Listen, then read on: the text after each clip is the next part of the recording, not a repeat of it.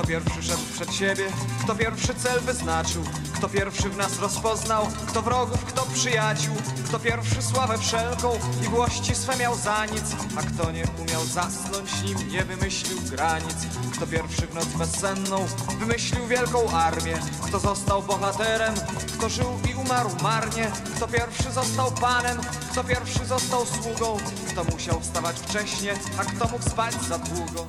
Dzień dobry. Dziś już środa, ostatni dzień maja, 31 maja 2023 roku. Przed nami czerwiec. W tej ostatniej majowej audycji Esencji Kwadransa naszym gościem jest Krzysztof Burnetko, wspominający historię sprzed wielu lat, kiedy to w czasach późnego PRL-u, w latach 80. wydawał czasopismo Promieniści. I o promienistych, i o tej historii drukowania bibuły. Dzisiaj w audycji Esencji Kwadransa przypominamy właśnie fragment rozmowy z wiosny roku 2020. A my, jak zawsze, zapraszamy naszych słuchaczy do jutrzejszej audycji. Będzie to audycja już czerwcowa. Zapraszamy do odsłuchiwań bieżących śniadań z mistrzem, do słuchania radia z charakterem, do odwiedzin i strony szkoły z charakterem i odwiedzin strony suplementu kultury. Wszystkich bardzo serdecznie pozdrawiamy i do usłyszenia w czerwcu.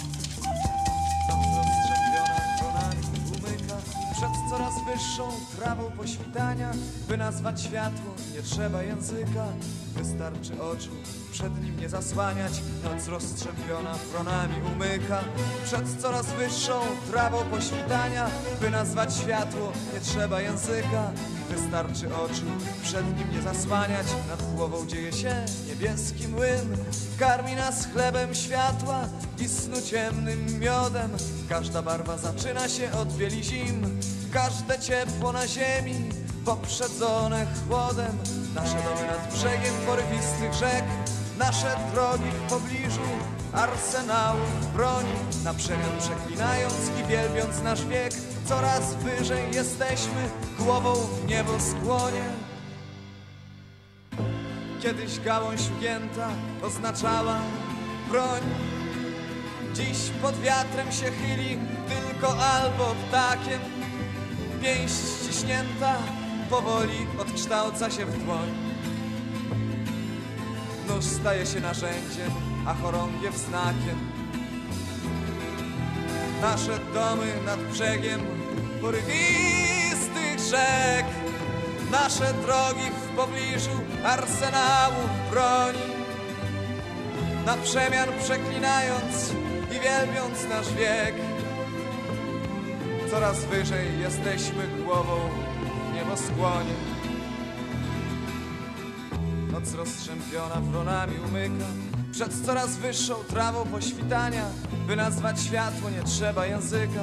Wystarczy oczu przed nim nie zasłaniać Noc rozstrzępiona wronami umyka. Przed coraz wyższą trawą poświtania By nazwać światło nie trzeba języka. Wystarczy oczu przed nim nie zasłaniać Nad głową dzieje się niebieski młyn Karmi nas chlebem światła i snu ciemnym miodem. Każda barwa zaczyna się od bieli zim Każde ciepło na ziemi poprzedzone chłodem. Nasze domy nad brzegiem porywistych rzek Nasze drogi w pobliżu arsenałów broni. Na przemian przeklinając i wielbiąc nasz wiek Coraz wyżej jesteśmy, głową w niebo skłonie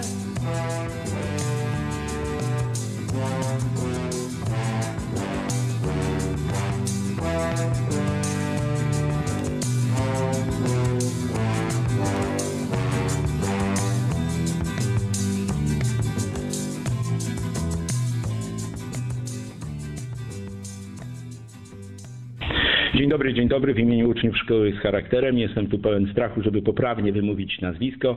Jest z nami pan redaktor Krzysztof Burnetko. Udało się. Udało się. Aż, aż mi ciężar serca spadł. Witamy pana i chciałbym zacząć od takiego odniesienia do pańskiej młodości, bo tak jak e, żeśmy przed chwilą ustalili, kiedy miał pan 18 lat, a był to rok 83, zaczął pan wydawać wtedy dość niezwykłe, podziemne, e, nielegalne czasopismo w drugim obiegu, nazywało się Promieniści. I jedną z cech e, tego czasopisma były rozmowy. Czy e, pamięta pan, z kim pan wówczas rozmawiał? To było czasopismo wydawane nielegalnie, podziemnie, poza cenzurą, czyli nie podlegaliśmy żadnym ograniczeniom ze strony ówczesnych władz, ówczesnego y, komunistycznego rządu. Robiliśmy to y, w gronie młodych ludzi, chłopaków. Ja byłem wtedy w czwartej klasie liceum. Y, Ze mną wydawał to mój przyjaciel do dziś Witek Bereś, który był już studentem. Y, Pracował z nami też chłopak, który był w trzeciej klasie liceum. Pismo było adresowane, co, y, o czym świadczy tytuł zresztą, dla uczniów i studentów. A z kim robiliśmy wywiady? No cóż, robiliśmy wtedy wywiady z niezależnymi artystami, z niezależnymi opozycjonistami, ludźmi, którzy również działali w solidarnościowym podziemiu. Y, To było oczywiście y, o tyle trudne, że trzeba to było robić, szumnie mówiąc, w konspiracji, ale było to wspaniałą przygodą, bo dzięki temu poznaliśmy y, ludzi, którzy no, rzeczywiście wykazali się wtedy wielkim równocześnie byli to ludzie, którzy dla nas byli bardzo ważni. Dla nas byli ważni jako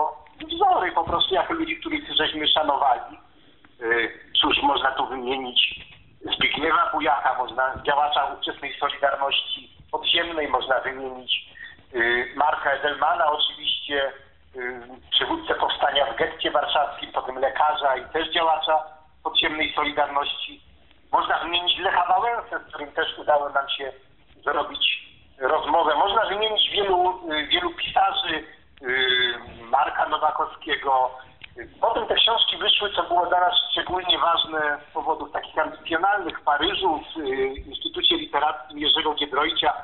Wtedy taka wielka nobilitacja. Y, Człowiek czuł się jak już rzeczywiście spełniony dziennikarz, chociaż miał 20 lat.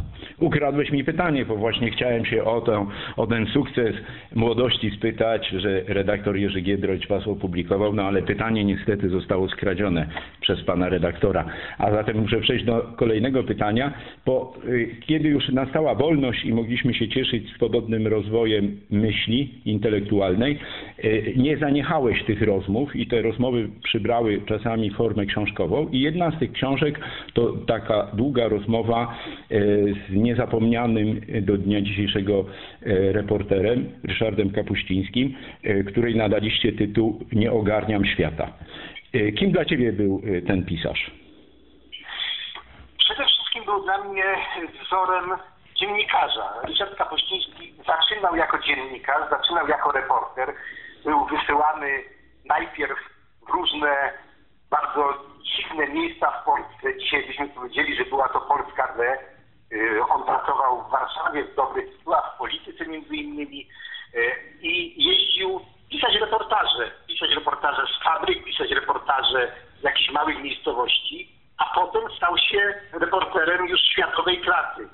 Zaczął jeździć po świecie, wciąż jako wysłannik polityki. Y, Opisywał między innymi wyzwolenie Afryki z kolonializmu w latach 60., to jest powstawanie tych nowych państw afrykańskich, wspaniały ruch wolnościowy. Jeździł do Ameryki Południowej, jeździł do Chin, do Azji, jeździł do Związku Radzieckiego ówczesnego i stał się również y, już po 1989 roku rodzajem takiego autorytetu nie tylko dziennikarskiego. Był znany nie tylko jako reporter wojenny, bo w tych swoich y, peregrinacjach po świecie oczywiście starał się dotrzeć w miejsca, jak to dziennikarz, miejsca zapalne, gdzie coś się działo, gdzie były wojny, gdzie były rewolucje. Przeżył tych rewolucji i wojen kilkanaście, czasem przeżył je niemalże cudem. Więc sławny był już w tym międzynarodowym świecie dziennikarskim jako taki no jeden z najbardziej y, odważnych i przenikliwych reporterów na świecie, ale również stał się człowiekiem, który zaczął objaśniać ten świat. To jest swoje doświadczenia praktyczne, doświadczenia świadka, połączył z wielką wiedzą teoretyczną. Y, interesował się historią, interesował się socjologią, interesował się literaturą, interesował się psychologią i wszystko to dawało mu dodatkowe narzędzia do tego, żeby próbować opisać te wielkie zmiany, które nastąpiły wtedy po 1989 roku w całym świecie. Y, I zmiany, które były też związane z tym, że skończył się wiek XX, zaczynał się wiek XXI, wiek wielkich wyzwań. Y, Kapuściński, no właśnie, ta książka się nazywa Nie ogarniam świata. On cały czas starał się opisać ten świat. Y, Jest takie powiedzenie wielkiej polskiej reporterki Hanny Kral, że jak chciała się czegoś dowiedzieć o świecie, to szła zapytać Kapuścińskiego. Kapuścińskiego pytał o świat, chociażby król Szwecji, który swego czasu zaprosił go na śniadanie, na swój dwór y, w Sztokholmie, po to, żeby porozmawiać z tym wielkim dziennikarzem, ale też wielkim myślicielem o to, w jakim kierunku zmierza świat. Ale Kapuściński powiedział wtedy, powiedział wtedy królowi, ale mówił to wszystkim, że świat dzisiejszy jest tak skomplikowany, że jest w nim tyle różnych kultur, że ściera się tyle różnych interesów, że w zasadzie on nie jest do ogarnięcia. To słowo stało się dzisiaj y, bardzo modne w takim także młodzieżowym slangu, ale trzeba pamiętać, że Ryszard Kapuściński używał go 20 lat temu, mówiąc o tym, odpowiadając na pytanie, no dobrze, ale jaki ten świat jest, w którym kierunku ten świat idzie. I e, kiedy pojawia się to określenie nie ogarniam świata, to pojawia się u mnie taka refleksja, czy taka uwaga, e, że e, w chwili obecnej e, w świecie przecież e, tak prężnym, wydawniczym, dotyczącym reportaży, e, czy e, prasowych, książkowych reportaży ze współczesnego świata, jednak z natłoku tych różnych informacji trudno jest wyłowić reportera o podobnej wnikliwości, ale przede wszystkim o podob, takich podobnych do niego możliwościach wielopłaszczyznowego ujęcia świata. Tak, no to zapewne wynikało właśnie z tego, że y, Kapuściński miał tak szerokie zainteresowania. Ja pamiętam, kiedy przychodziło się do niego, do jego y, domu w Warszawie, do dzisiaj pamiętam adres, to jest ulica Prokuratorska, on miał pracownię zrobioną na strychu tego domu i tam stały trzy takie olbrzymie stoły, na których to stołach stały książki i różne papierzyska sterty książek yy, w różnych językach oraz oczywiście jego notatki plus jakieś tam maszynopisy. Był tam też komputer. Kapuściński mówił, że to jest o, o tym, że na cały pokój był oczywiście pełny też półek z książkami, już nie będę opowiadał. Kapuściński wskazując na te stoły pokazał tak. Na tym stole są książki i materiały do y, pracy nad obecnej, tym tematem, którym się teraz zajmuję. Na kolejnym stole są rzeczy do tematu, który dopiero zajmę się, którym się dopiero zajmę, jak skończę obecną książkę. A wreszcie na trzecim stole to są takie rzeczy, które tam sobie podczytuję, może mnie coś natchnie, jakiś kolejny temat z tego się urodzi. Więc był to człowiek, który czytał rzeczywiście olbrzymie yy, masy książek, ale też to jest charakterystyczne, że czytał książki z bardzo różnych dziedzin.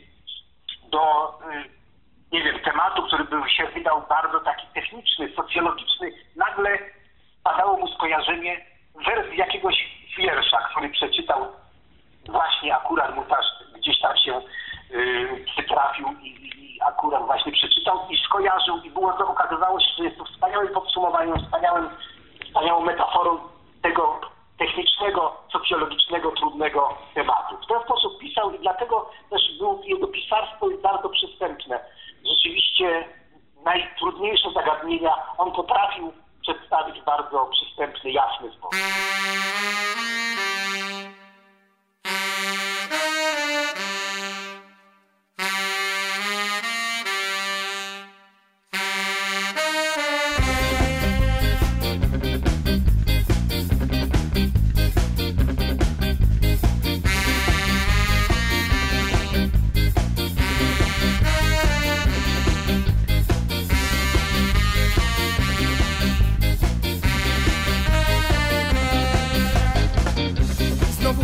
mnie podgląda. Lekko skrobie do drzwi. Strasznym okiem cyklopa Raczy gromi drzwi. Mój jest ten kawałek.